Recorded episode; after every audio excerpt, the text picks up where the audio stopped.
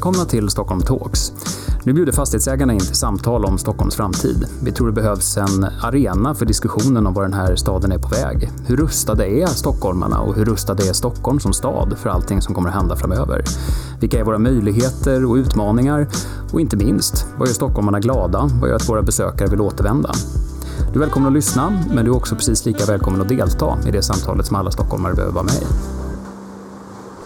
Jag vet att ni alla har väntat och nu är Stockholm Talks tillbaka. Idag ska vi prata om ämnet Vad skapar attraktion i Stockholm i framtiden?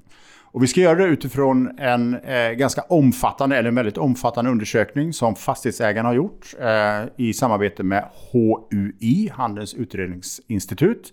Där man har tittat väldigt mycket på rörelser, vad händer i stadskärnorna, växer stadskärnorna? Men där man också drar slutsatser om just frågan vad skapar attraktion? Och Helena Olsson som är stadsutvecklingsexpert på Fastighetsägarna eh, kommer alldeles strax berätta mer om den här undersökningen. Vi har också med oss eh, två stycken gäster som eh, är personer som själva utvecklat, förändrar och påverkar staden och stadens attraktion. De är lite olika till sin karaktär. Vi har Jakob Grandin som är grundare av, kan man säga, den moderna folkparken eller nöjesetablissemanget Trädgården. Eh, en av grundarna till innovationsfestivalen Gather och grundare, väldigt mycket grundare till Nattrådet som är en kan man säga en typ av organisation, eh, Jakob ska få berätta mer sen, men som handlar om att skapa en kanal mellan politiken och eh, nattlivet, nöjesaktörer eh, och andra. Så att Jakob har väldigt stark foto i eh, natten, eh, Stockholmsnatten Innovation. Peter Svensson som är här, grundare av Dog Bakery, en eh, hybridernas superhybrid som är ett hundbageri men också ett bageri där eh, bakverk för mattar eh, serveras. Men som både säljer i butik, säljer på e-handel, har en egen eh, ett eget café som imorgon, eller häromdagen blir det faktiskt när ni som lyssnar på detta, eh, kommer att ha en pop-up på Åhléns City i Stockholm, dit ni alla är välkomna. Så varmt välkomna! Eh, Helena, du eh, kan allt om Cityindex. Eh, kan du först berätta lite grann om själva undersökningen? Vad är det man tittar på? Ja, det vi tittar på i Cityindex, det är helt enkelt den kommersiella utvecklingen i våra stadskärnor. Eh, Sverige har 107 stycken stadskärnor totalt sett. Och eh, det som är unikt med just Cityindex det är att vi tittar på alla, men också att vi tittar på eh, använder oss av en definition som utgår från täthetsdata från SCB, det vill säga hur tätt hur mycket boende är det på platsen och hur många verksamheter finns på platsen. Och på det sättet så får vi ju den här tätheten som ju är kännetecknande för en stadskärna. Och anledningen att vi har valt det sättet eh, som är lite mer akademiskt, det är ju lite grann för att vi kan ju själva gå ner på stan och rita stadskärnan och vi kommer alla att komma ut därifrån med varsin bild av vad stadskärnan är. Och då missar man ju det viktiga i att kunna följa utvecklingen över tid, men också kunna jämföra med andra som kanske är, är av liknande struktur. Så på det sättet så finns det ett väldigt starkt värde i detta. Och varför vi gör det eh, på fastighetsägarna är ju lite grann för att det blir ett väldigt bra underlag både för våra medlemmar som utvecklar städer men också för kommunerna att faktiskt tillsammans ha ett gemensamt kunskapsunderlag att utgå från när man utvecklar staden och platserna. Och detta unika år 2020, vad är slutsatserna? Ja, det var ju verkligen eh, viktigt att ta med sig detta när vi satt i mars och skulle dra igång det här projektet.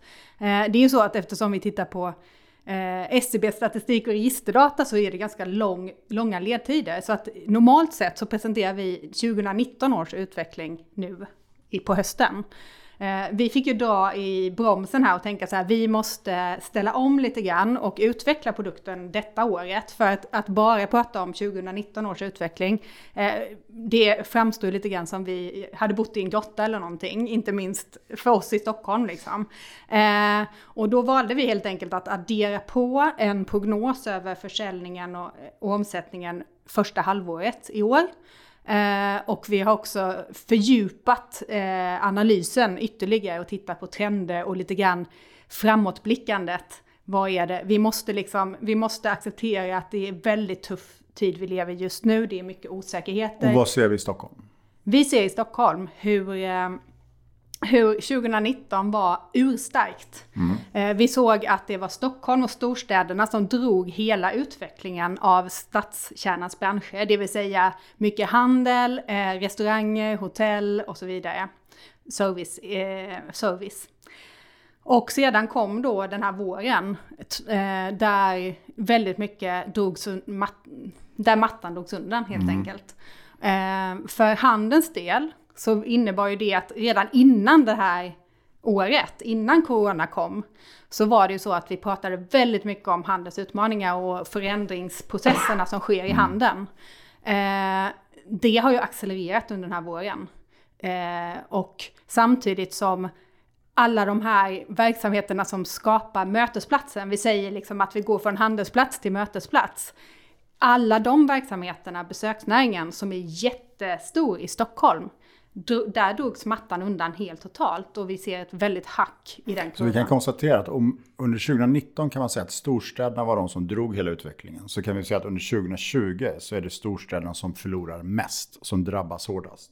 Så är det. Vi ser det i datan. Mm. Vi tittar på Telia Insights eh, data och just över flödena och då ser vi ju att de största tappen är i storstäderna. Så att, så att det blir liksom en spegelbild på med en mörk eh, spegelbild eh, 2020 jämfört med 2019. Mm. Jag ska läsa en, några meningar ur själva rapporten som jag tycker säger någonting. Och om, om, om det finns en nattsvart bild av storstadens utveckling under våren så skulle jag ändå säga att det kanske finns något lite hoppfullt i detta. Och så här skriver man i slutsatserna. Man skriver så här. Stadskärnan har alltid varit en plats där människor samlas. Och nu ser vi hur det som en gång var kärnan kommer tillbaka. Småskaliga speceributiker och serviceinrättningar får ökat utrymme. Eh, coronakrisen har skyndat på strukturomvandlingen och skapar plats för nya verksamheter. Så, så vad kan man då konstatera? För ni har, den här rapporten är också ganska tydlig i sina slutsatser kring vad som då skapar attraktion. Om man tänker liksom på själva återstarten, återuppbyggnaden, återmarschen mot eh, det öppna härliga Stockholm. Vad är slutsatserna? Men så är det ju. Och en väldigt tydlig aspekt är ju det här platsen, styrkan i platsen. Att eh, staden och stadskärnan består av ett, ett lapptäcke av olika platser med ett olika utbud och att man måste eh, utgå från de lokala styrkorna på olika platser och skapa en utbudsmix som möter eh, där verksamhet och innehåll i husen Eh, möter efterfrågan, eh, men också är ganska brett utbud där verksamheter kan hjälpa varandra, att dra folk, för det handlar ju om, attraktivitet handlar ju om att dra folk, att få folk att stanna kvar och dröja kvar på platsen och vilja återkomma. Och då, då blir det väldigt viktigt att det utbudet och platsens utbud eh, också är så pass brett att det skapar de här Och vad tror du i den här utbudsmixen, vad kommer vi få se mer av? Men det är väldigt tydligt att stadskärnan är en spegelbild av vad människor önskar och vill göra. Eh, och jag kan eh, dra när, vi gjorde faktiskt med, av an, med anledning av det så tyckte vi också det var viktigt att fråga stockholmare. Vad är det ni vill se? Vad, vill ni, vad gillar ni med staden? När har du haft ett bra eh, ögonblick i staden? Vad tänker du på då? Och nu ska jag läsa topplistan här. Mm. och då var det ju liksom så här, god mat och dryck, det är närhet till vatten, god stämning, grönska, nära kollektivtrafik, kultur, en mix av staden på samma ställe. Eh, till exempel, blandning av folk. Väldigt lite shopping. Väldigt lite mm. shopping, men när du frågar, och det är ju liksom det vi tänker tillbaka till, det vill säga, och det tycker jag understryker vikten av att staden som mötesplats kommer komma tillbaka. Eh, det finns en väldigt underbyggande trend att det är det vi vill göra eh, i stan. Det är att träffas och göra saker tillsammans. Men vi frågade också, vad hoppas du att det kommer finnas mer av i stan i framtiden? Och det är ju viktigt för att jag tycker också att man ska se det här året som en möjlighet att faktiskt blicka framåt och tänka så här, vad är framtidens stadskärna? Vad är det vi vill ha? För det är faktiskt så att ur en kris kommer också föds nya möjligheter. Eh, och, då, och det handlar ju också om, som våra medlemmar, vad ska vi, hur ska vi tänka om vi får en vakans? Vad ska vi fylla den med? Då är det viktigt, vad är det folk vill ha då? Och då är det, där kommer ju andra bitar in. Då kommer väldigt mycket stadsmiljö. Det är grönska och parker, gågator, sociala sittplatser utomhus, platser för umgänge som inte kräver konsumtion. Och sen kommer annorlunda matupplevelser och dryckupplevelser, lokala specialbutiker, kreativa nöjesupplevelser och så trygga områden, konst och kultur. Så att det är ju väldigt mycket av det som, det är inte så kommersiellt, men det som är kommersiellt, det är ju de små och smala sakerna och det är ju det som inte minst en stadskärna som Stockholm kan erbjuda för, med du underlaget. Betraktar, eller, du eller undersökningen betraktar Stockholm som en stadskärna?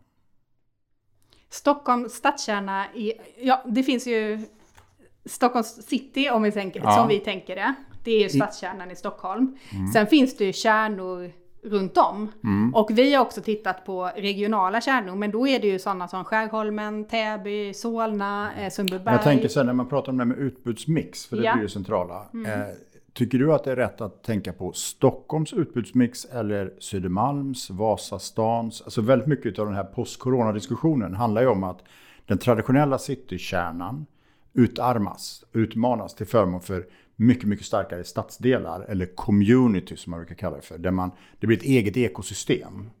Precis, och det är ju det som är lite grann det här lapptäcket av platser som gör att du, att du har olika, liksom, det är ju kanske inte stadskärnor, men olika platser som har sitt, sin, mm. sitt erbjudande eh, och sin mix som drar eh, och skapar attraktivitet. Så att, att utgå från det unika på platsen, att bygga utifrån det lokala. Vi såg ju liksom hur, hur många av, vi blev väldigt medvetna under den här våren i Stockholm inte minst, med vad vi vill lägga våra pengar på. Vad vill vi konsumera när vi väl konsumerar? Ja, men då är det väldigt mycket de verksamheter som hade ett starkt community lokalt, eh, många stammisar, en personlig prägel, både liksom och en roll i sitt lokalområde men kanske också en personlig prägel i sociala medier. Det var ju de ställena som upplevde att det faktiskt gick ganska mm. bra. Det var inte bara, handlar inte bara om att, att de kanske också ligger där vi bor i högre grad. Eh, men eh, det är ju en faktor. Men det är också det att man ville helt enkelt gynna dem som man upplevde att man hade en relation till helt enkelt. Och då är det lokala och olika platsers identitet väldigt mm. viktigt. Bra, tackar. Eh, en person som ju jobbat rätt mycket, eller väldigt mycket med lokala platser, det är ju Jakob Grandin. Och jag tänkte, innan vi eh, pratar lite bredare, så du har ju grundat Trädgården, som ju är ett, ett eh, en hybrid av olika typer av nöjesupplevelser, men du kallar det för Moderna Folkparken. Kan du berätta lite grann om Trädgården och berätta lite grann om hur ni har tagit er igenom den period som vi har nu. Ja men Trädgården eh, grundades eh, egentligen redan 2002 som då ett, ett, ehm, ett annat utbud än det som erbjuds på Stureplan. Vi ville ha något som var mer folkligare, som var mer eh, bredare, som var mer tillgängligt och mer demokratiskt eh, och stod för en, liksom en kulturell bas till nattlivet. Sen dess har vi nu transporterat oss till Södermalm och befinner oss under Skanstullsbroarna där miljön är väldigt eh, unik och upplevelsen är fortfarande det här försöket till att vara det demokratiska och ge ett spelrum för så mycket mycket olikheter som möjligt på den platsen. Där allt från liksom, klassiska konserter till mat och drycken och till dansmusiken får återupplevas på den platsen. Så det betyder ju att det är, det är väldigt stor kvantitet. Eh, och den unika upplevelsen som vi försöker erbjuda är att man ska, det ska vara något större än bara mötet. Man ska få uppleva den, en stor kulturell akt eller att man ska få uppleva det här stora, den här stora upplevelsen som är beyond en själv. Eh, och det där blir en utmaning när man sätter en pandemi i händerna på, mm. på trädgården där man egentligen inte får mötas på de restriktionerna. Eh, och så vi har försökt transformera det här till en mer mat och dryckes, alltså en mer kvalitativ upplevelse. Och det är utmanande. Vi har ju gått, bara i, om man säger det omsättningsmässigt så har vi gått ner ungefär 94%. Så det är väldigt stort tapp. Um, men det går fortfarande att jobba på ett samma sätt och vi ser lite det som Helena är inne på att man, man lär sig av nya saker. Vi lär sig att bli mer kvalitativa, vi lär sig att jobba upp ett, ett annat typer av bemötande sätt. Eh, vi lär oss också att jobba in en digital närvaro som jag tror den framtida generationen som kommer uppleva kultur på kommer behöva. Eh, så det är ett, ett otroligt lärorikt år. Eh, men där vi står just idag så är ju framförallt ovetskapen om vad nästa sommar kommer bli mm. det stora frågetecknet. Men tror du att mycket av det här, det ni lär er, eh, också är någonting som kommer att förändra er plats, men också hela staden? Eh, om vi tänker oss en framtid när vi vaknar på morgonen, eh, vi har någon typ av vaccin och kan eh, umgås på det sätt vi gjorde.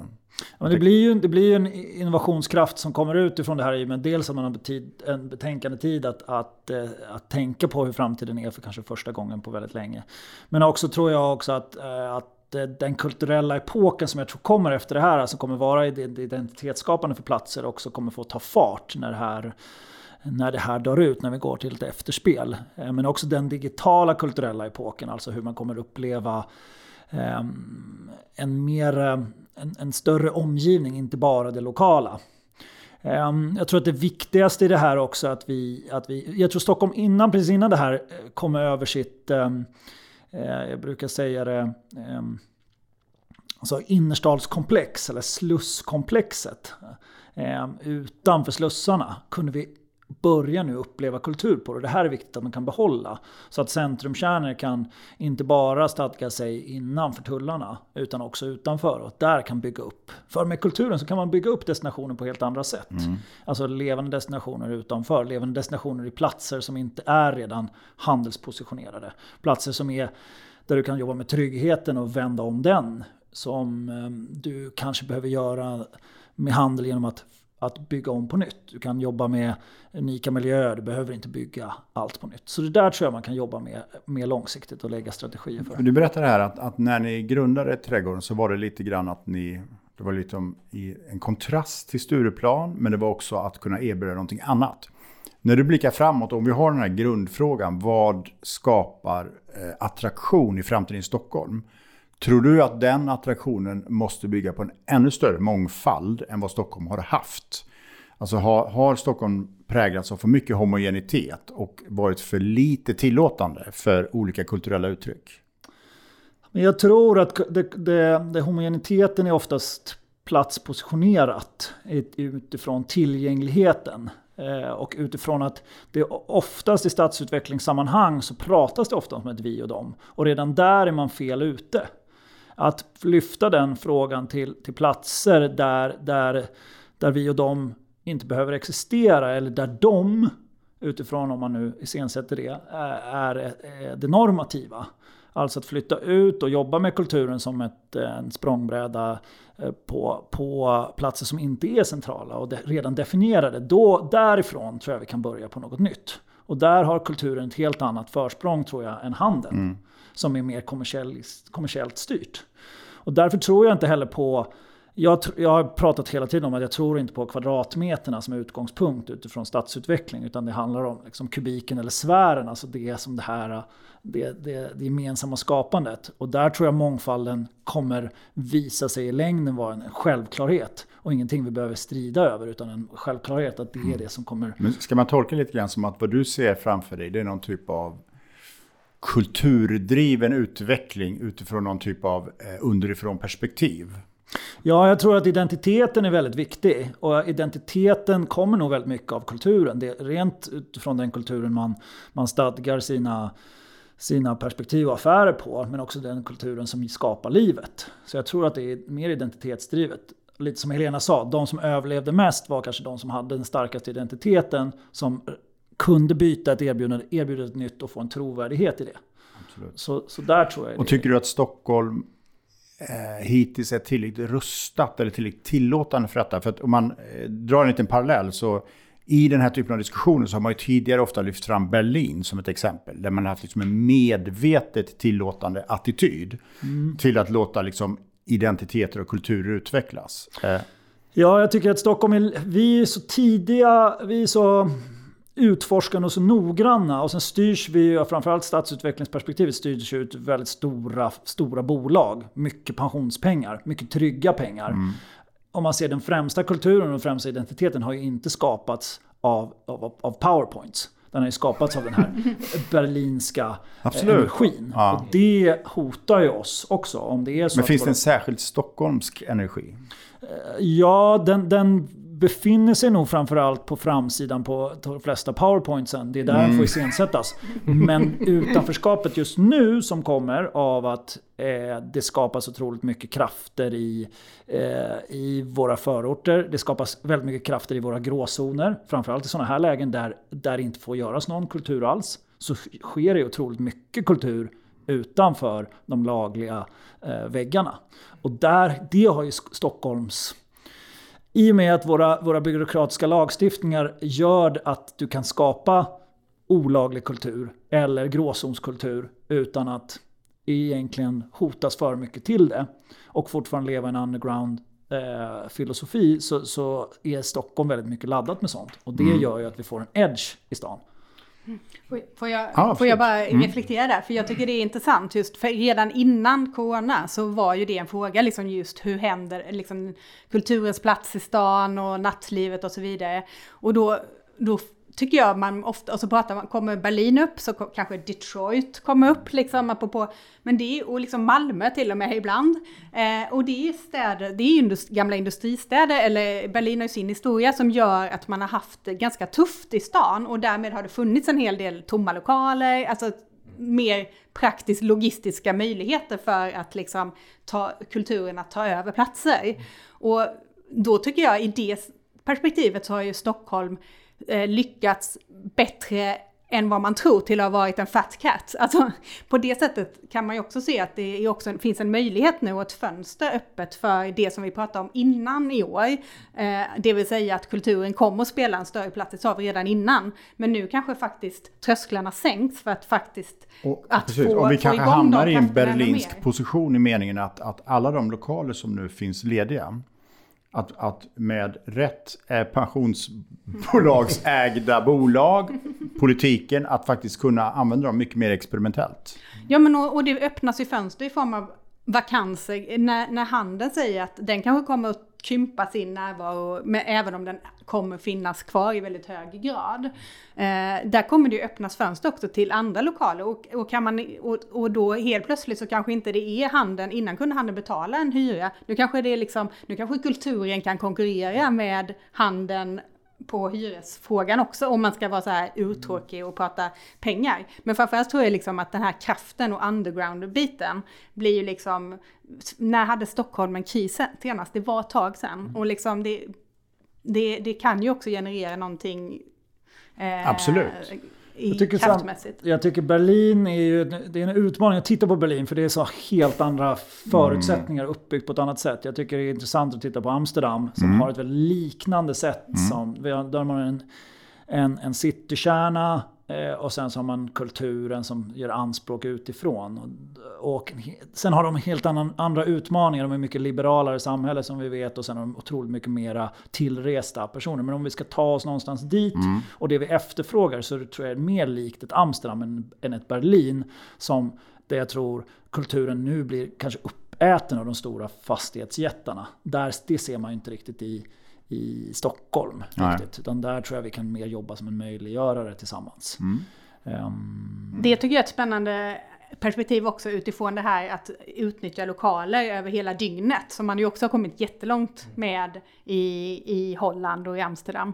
Eh, och där finns det också mycket spännande saker och lärdomar som det skulle vara vara en positiv grej mm. om vi kunde liksom accelerera den utvecklingen här. För att det handlar ju ändå om att, att få en, en mer robusthet i vår liksom stad.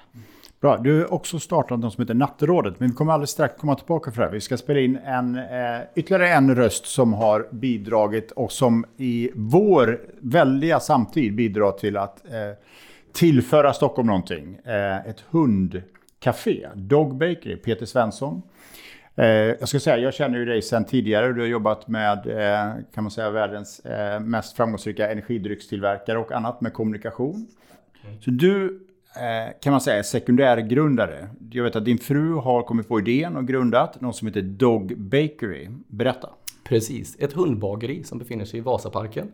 där vi helt enkelt gör bakverk och säljer hundkonfektyr och deli till hundar.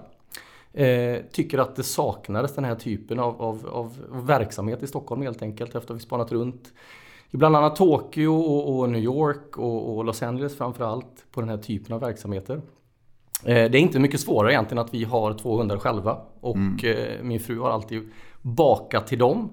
Och insåg väl helt enkelt att det är någonting som väldigt många uppskattar. Alla som kom hem till oss eh, tyckte att det är någonting som, eh, som saknas helt enkelt. Mm.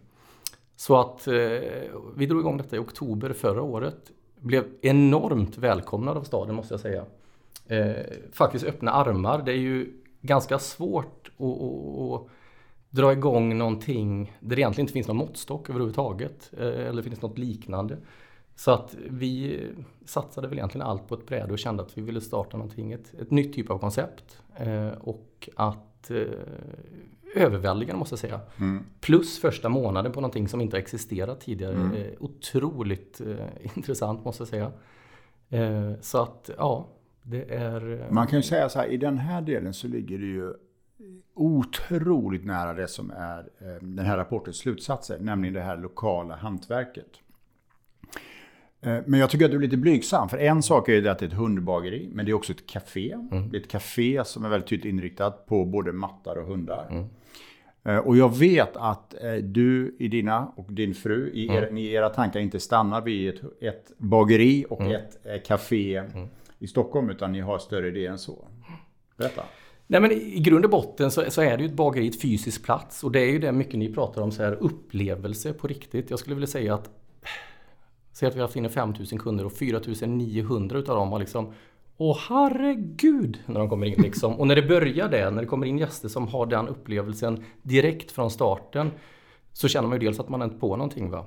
Eh, utmaningen som hände då liksom efter 4-5 månader på den här typen av koncept när Corona kommer in där folk inte vågar sig ut. Va? Det är också att vi, vi helt enkelt eh, behöver liksom direkt börja kika på nya steg helt enkelt. Så att ja, vi direkt på e-handel. Vi mm. på att kolla på digital in-store. Så att när man säger ett bageri så kan man nog visualisera liksom man kommer mm. in och köper bröd. Så, va? Men vi försöker vara mycket, mycket mer än det. Det är ju liksom en träffpunkt. Vi har produkter som, som, som charmar och där man känner att man upplever någonting när man faktiskt köper det. Och sen så vill vi naturligtvis ha ett steg in i framtiden med ja, digital signage i, i butiken och, och e-handel kopplat till detta naturligtvis. Ja, men man kan säga att ni är ju eh, besöksnäring, café. Ja. Ni är hantverk i eh, produktion. Ja. Och ni är e-handel. Mm. Eh, och om du blickar några år fram i tiden, vad är din vision med allt det här? Eller er vision? Om man ska, tråkiga svaret är nog e-handel faktiskt. Mm. Eh, när man pratar upplevelse så är det ju någon form av liksom det vi vill förmedla, att vi erbjuder. Mm. Jag tror att vi som land Sverige så är jag inte riktigt säker på att de här kan etableras i så pass många städer så att vi egentligen kan bygga volym på det sättet. Utan vi behöver ett par, som vi kallar det, liksom brand stores om man säger så. Eh, och påkopplat e-handel. Men våg, vågar ni tänka utanför Sveriges gränser i den tid vi lever? Ja, jag tror, komplettera det svaret lite grann, att det är ett måste. Eh, om man ska bygga e-handel så behöver vi dessutom en större marknad än Sverige ganska snabbt. Så att, Kika väl kanske på grannländer, eventuellt mm. Eh, lite större städer. Eh, vi har ju egentligen precis börjat stresstesta ett sånt här koncept. Så att, ja, men jag måste säga att jag älskar det här. Alltså, vi befinner oss i en pandemi. Mm. När, start, när startade ni verksamheten? I, ja, i, nästan exakt ett år sedan. Nästan ja. exakt ett år sedan och ni är redan inne på en internationell tillväxtplan. Ja. Nu sitter vi och pratar högt här naturligtvis. Ja, absolut. Men, och det här är ju bara i det här rummet. Stanna i det ja, här. Nej, precis. nej, men det, och det vill jag ju tillägga, så här, det är ju för att vi faktiskt har fått, uh, ska vara helt ärlig och backa bandet, så har vi fått en sån ett mottagande i stan. Mm. Liksom, och folk kommer in och, och, lite grann som vi faktiskt pratade innan vi satte igång här. att Varför har inte detta funnits tidigt? Mm.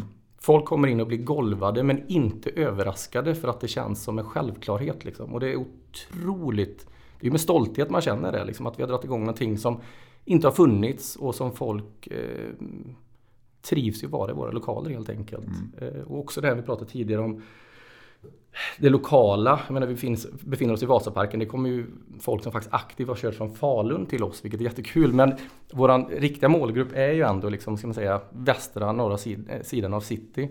Och det här med att vi har, man bygger upp en liten hubb helt enkelt. När vi klev in i Corona första helgen så började man ju kallsvettas direkt naturligtvis. Eh, gick ut i våra sociala kanaler som vi har lyckats bygga upp, ja, helt enkelt ganska bra och, och, och bara berättat att nu står vi liksom inför någonting Väldigt utmanande och vi hade vår bästa försäljning på lördagen direkt. Eh, folk kommer in med munskydd mm. och vill att vi ska vara kvar. Mm. För att det är roligare än ett klassiskt fik helt enkelt. Och, och folk är beredda på att vi känner en stöttning helt enkelt. Ja, men ni, man kan säga att ni, ni, ni lyckas bygga någon typ av stammiskultur ja. och relation på väldigt, väldigt kort tid. Också förstärkt av digitala kanaler. Ja. Mm. Den här grundfrågan vi har här kring eh, vad skapar attraktion i framtidens Stockholm? Utifrån erfarenheten du har av att mm. etablera en ny verksamhet mm. i Stockholm, bemötandet av stockholmarna. Mm. Eh, den typen av verksamhet som, eh, som ni bedriver, mm. som ju är intressant därför att det är ju också hela talet om handelns död. Mm. Det är en typ av handel men den är extremt upplevelsebaserad. Vad tror du kommer prägla det som gör Stockholm attraktivt i framtiden? Alltså från, från en personlig del så är det ju liksom, det är upplevelse naturligtvis och att lite grann som jag hoppas att våra kunder upplever oss, att man blir lite chockad. Man behöver gå runt på stan och känna liksom en, en stolthet som baseras liksom på ett utbud som är så pass differentierat eh, eh, att man, man blir stolt över vad staden erbjuder. Mm. Och vad, vad är din känsla för Stockholms framtid? Är du optimistisk? Ja, det måste jag säga. Jag tänkte faktiskt nu när jag gick ifrån bageriet på vägen hit liksom att, att vårat lilla kvarter som vi har mm. precis vid oss, liksom, så har vi eh, Sandhäxan då specialiserat, specialiserat sig på, på, på mackor. Stans bästa sushi. Vi har en liten butik som eh, fokuserat på kostymer från 1870-talet om jag förstår det mm. korrekt. Ett hundbageri och en barnaffär som är kan inte exakt med någon speciell textilie som är ekoframtagen mm. liksom. Det är helt otroligt egentligen. Mm. Kände inte detta för tio år sedan när jag flyttade Nej. till stan. Eh, man kan säga, och, och det, det man pratar ibland som kedjefieringen av mm, stan med väldigt mm. funktionell handel. Den ser du inte mycket av. Nej, det skulle jag inte vilja påstå. Utan jag tycker ju, eller min upplevelse då, lite skygglappar det här året för att jag, jag pendlar liksom mellan huset och butiken mm. och gör inte så mycket annat. Är väl helt enkelt att det är den här typen av nischade Eh, butiker som har haft det tufft men överlevt det här året helt enkelt. Mm. Helena, jag tänker så här. Vi har nu hört, hört först en berättelse om trädgården som egentligen går väldigt mycket från kvantitet till kvalitet. Vi har hört eh, en helt ny typ av koncept som eh, detta år har klarat sig väldigt väl, som redan nu funderar på internationell expansion. Eh, kopplat till liksom den här undersökningen, rörelser, stadskärnans framtid, vad är din reflektion? Jag tycker båda exemplen är ju, eh, handlar ju just om det här betydelsen av platsen och byggandet av platsen. Och det som stadskärnans, är stadskärnans styrka, att man kan ha levererat underlag för att det är där det är mest koncentrerat av människor, både på dagen och natten. Eh, då kan man också ha de här utbuden som är är, är profilerade och eh, det är den utbudsmixen som, som bygger identiteten på platsen. För det är människorna som kommer till, besöker de här ställena som är platsen. Och det tycker jag liksom är eh, den stora liksom winnen i att vi behöver bygga de här identiteterna. Eh, och det finns alla förutsättningar i Stockholm att göra det. Eh, tillsammans med att man också har det här dag dag och natt. Eh, vi har, jag, jag måste bara en reflektion kring din, mm. eh, din, ditt hundcafé. Att jag tänker också på stadsmiljöns betydelse i liksom just att det behöver vara schysst utomhus. Vi har ju väldigt mycket velat träffas utomhus i väldigt mycket högre grad nu. Eh, och tänk liksom en eh, jag tänker liksom en hundraskård som ni liksom tar hand om och också har det att, liksom, att också erbjuda den mötesplatsen utomhus. Och liksom, det konceptet skulle ju vara ganska häftigt att liksom också ta tillvara på ytorna mellan husen. Mm, eh, och, och jag tror också liksom just attraktiviteten kopplat till att människor vill vara där människor är. Mm. Och liksom, det är också viktigt att vi drar ut på liksom, eh, stadens öppettider i den mm. bemärkelsen att det händer saker som tar vid när hundcaféet har stängt. Och där kommer ju liksom Jakobs utbudsmix att liksom äh, möta upp. Mm. Där har du det, vilken radioövergång. Vilken radioövergång. Nej, men alltså jag, jag, om man ser till det också och dystopin till det hela är ju det som vi pratar om är ju privilegierat om vi går från kvantitativ kultur till mm. kvalitativ kultur så kommer det kosta mer. Mm. Det ser vi redan i, i de sittande konserterna. Absolut. Om vi pratar eh, window shopping och uppleva, eh, som de flesta av butikerna du beskrev handlar ju om någon form av lite mer eh, nischad flärd i det hela. Mm. Det blir ju en, en, en annan distans till det än att gå och hoppa på Ikeas stora liksom, rusta ÖB och de här bitarna. Och speciellt om det börjar bli så att man bygger en distans mellan de som levererar och de som blir, får allt levererat till sig. För då bygger man stadskärnor där det blir privilegierad kultur och window shopping. Eh, och det sker i innerstaden. Och sen i ytterstaden så, så befolkas det av människor som jobbar med att leverera det här till oss. Och vi kan fly till Patagonia, trygga natur mm. eh, och luska oss i... Och vad, vad skulle kunna vara en motkraft mot den utvecklingen?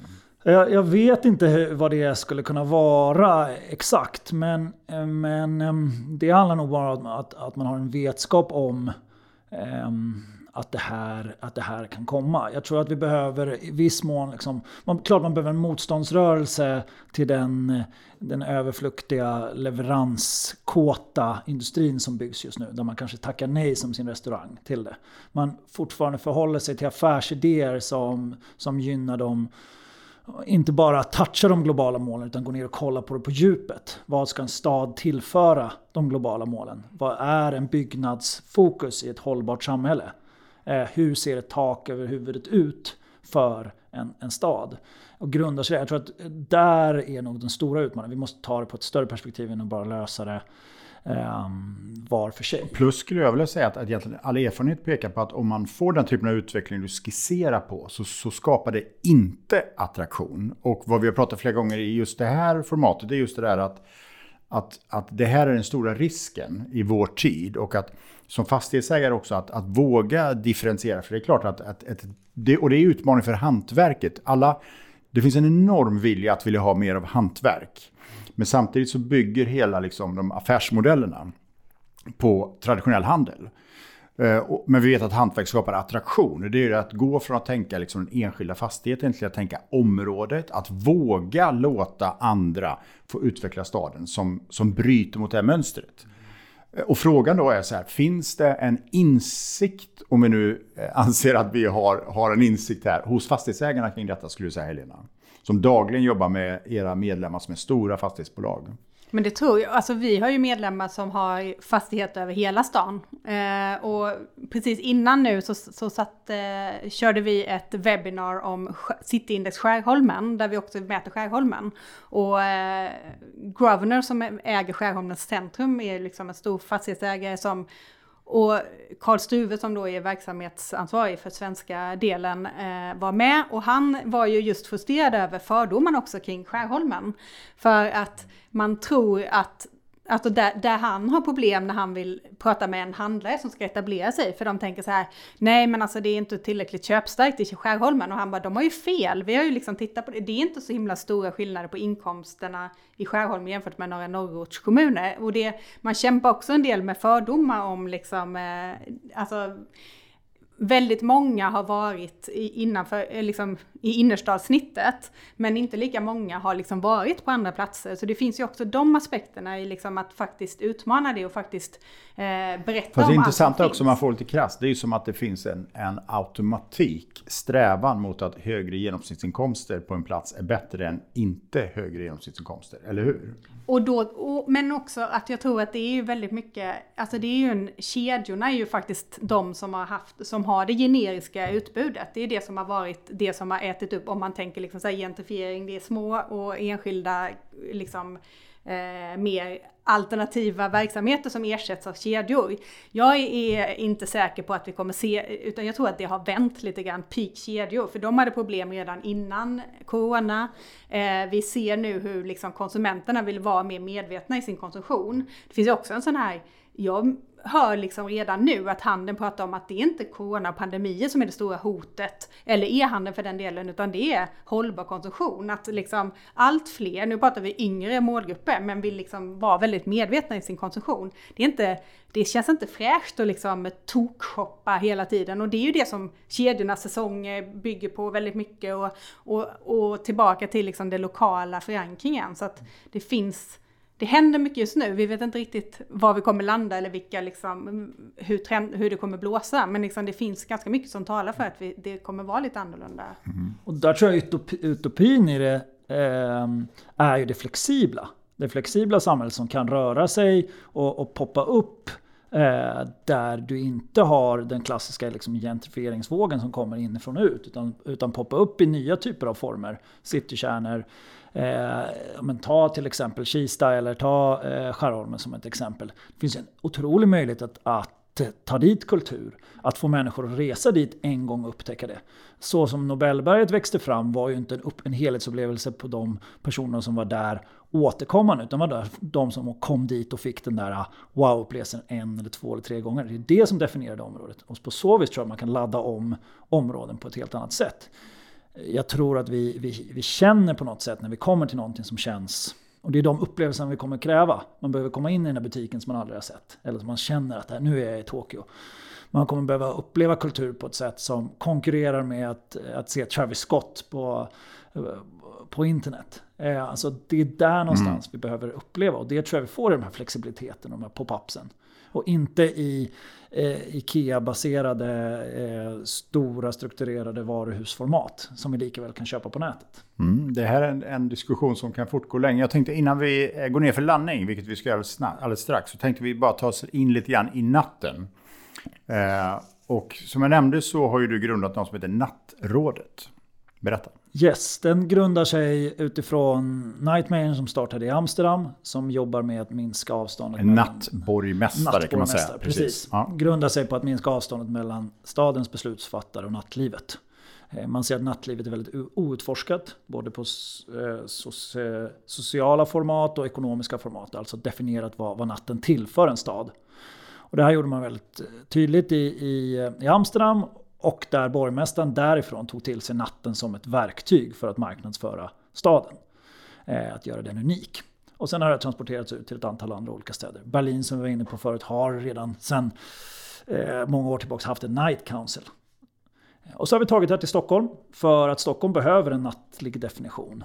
Vi behöver hitta ett fokus vad natten tillför staden, vad de nattliga och kreativa näringarna tillför staden. Hur vår natt upplevs. Är den otrygg eller är den trygg? Där är det också en kluven idé vi har. Mm. Och var upplevs natten? Var sätter natten ner sitt footprint någonstans? Är det bara i stadskärnan? Och vilken typ av nattliv är det som sätts ner där?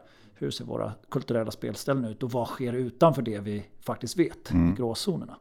Och det där är det Nattrådet arbetar med. Ja, och det lyfter ju också en annan aspekt, nämligen det här med samverkan. Samverkan mm. mellan så att säga eh, nattens aktörer och mm. politiken, mm. men också samverkan mellan med fastighetsbolag. Tror Framförallt du... myndigheterna skulle mm. jag vilja säga därifrån. Mm. Tidigare har det varit väldigt uppdelat genom stadsutveckling och eh, jag skulle vilja säga aktivering. I dagsläget börjar de komma närmare. För första gången så hade vi en dialog när vi pratade om slakthusområdet mellan exploatering, miljöförvaltning och tillståndsenheten och polisen. Det sker inte jätteofta i format. Vi detaljplanerar på gamla grunder. För att staden ska bli mer flexibel och kreativ eh, och den kulturella epoken ska kunna komma in så måste vi detaljplanera utifrån de perspektiven också. Och där tror jag det här samröret är superviktigt. Mm. Mm. Och var tror du att eh, den här typen av samverkan och kommer att ta vägen nu eh, med tanke på att vi befinner oss i en eh, något, något speciell situation för Stockholmsnatten?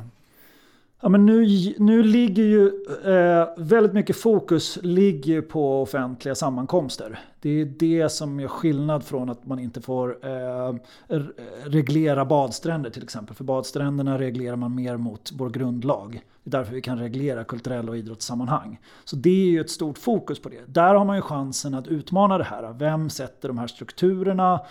Är det gamla fenomen vi jobbar mot, mot liksom danstillstånd? Och hur skulle vi kunna jobba för att tillsammans in, kunna motverka att det här sker mot att en, en artist går upp på scen och helt plötsligt måste alla gå ut. Det har vi en möjlighet nu att kunna mm. jobba med. Vilket skulle kunna ge... Och det är väl en del av kulturens roll i ett samhälle, ja, eller hur? Att absolut. utmana rådande strukturer. Verkligen. Och det växande, de som inte följer de här lagarna och reglerna just nu, eh, som gör det här utanför och som finns, har en stor attraktionskraft. Hur kan man göra det lagligt eller möjligt till att lagföra? Mm. Det är också sådana saker, typ, typer som jag tror att eh, vi behöver ta upp i de här Mm. Och, och, och, bara en, som en sista fråga, eh, för du nämnde ju att har skapat ett nattråd som en samverkansstruktur och funktion.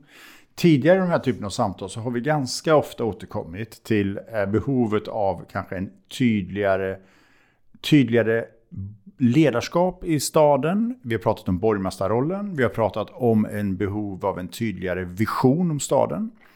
Skulle du tro, tycka att det vore en fördel om det också fanns tydligare liksom, politiska visioner kring Stockholms, Stockholmsnatten?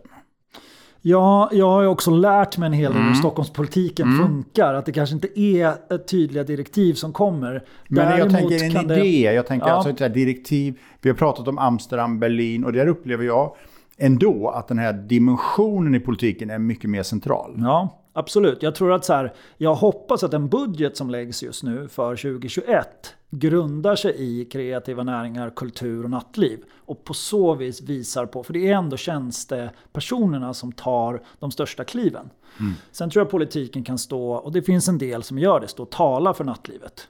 Men så länge det inte kommer ner på tjänstepersoner mm. så kommer vi inte få någon skillnad. Förhoppningsvis nu så finns det tydliga budgetdirektiv som kommer få nattlivet att kunna växa. Mm. Och att staden från kulturförvaltningens sida, eh, vis, visitorsidan, alltså besöksnäringens sida, kan också utforska vad nattlivet ger till staden. Mm. Då tror jag vi har tydliga direktiv för att också mm. eh, det kan ske neråt. Bra, tack så mycket. Tack. Vi får hoppas att de här, det här minskning på 94% för trädgården ja, är förbi så mycket lägre tal framöver. Nej. Helena, jag tänkte så här, vad är din vision för Stockholmsnatten? Den ska leva. Eh, och eh, jag tror på eh, glädje och tolerans hand i hand. Peter, jag vet att du, förutom att eh, du och din fru driver eh, den här nystartade verksamheten, också är småbarnsföräldrar. Ja. Så vad är din vision för Stockholmsnatten? Även om du själv möjligtvis försöker sova? Jag kikar mer på 2022 i så fall. Jag skulle mm. säga att nästa år kommer bli ganska tufft. Men mm. eh, vi har öppet dagtid och mm. sen så paketerar vi helt enkelt våra e-handelslådor på nattetid. Mm. Så att det, natten består av... Eh, Men återigen, vi är tillbaka till eh, kanske två, tre skift också inne i de mest urbana citymiljöerna. Faktiskt jätteintressant. Jag har inte tänkt riktigt på det. Men eh, när man kommer sig första år när man etablerar sig så är ju hyran en jättestor del. Eh, jag har alltså 12-13 timmar outnyttjad lokal. Mm. Jätteintressant tycker jag, en sån diskussion på vad man skulle kunna göra nattetid. Mm. Så att absolut. Mm. Jag tänker också att du kan ju gå på livekonserter som streamas. Eh, jag kan streama ifrån Dog Bakery på kvällstid. Och, ja, ja. När du packar. Mm. Bra, stort tack allihopa och stort till alla, tack till alla er som har lyssnat på Stockholm Talks som ju är en plattform för diskussion om Stockholms framtid i regi av Fastighetsägarna i Stockholm. Och jag som har eh, varit samtalsledare kan vi väl lov att säga heter Per Slingman. Tack så mycket. Tack. Tack. tack.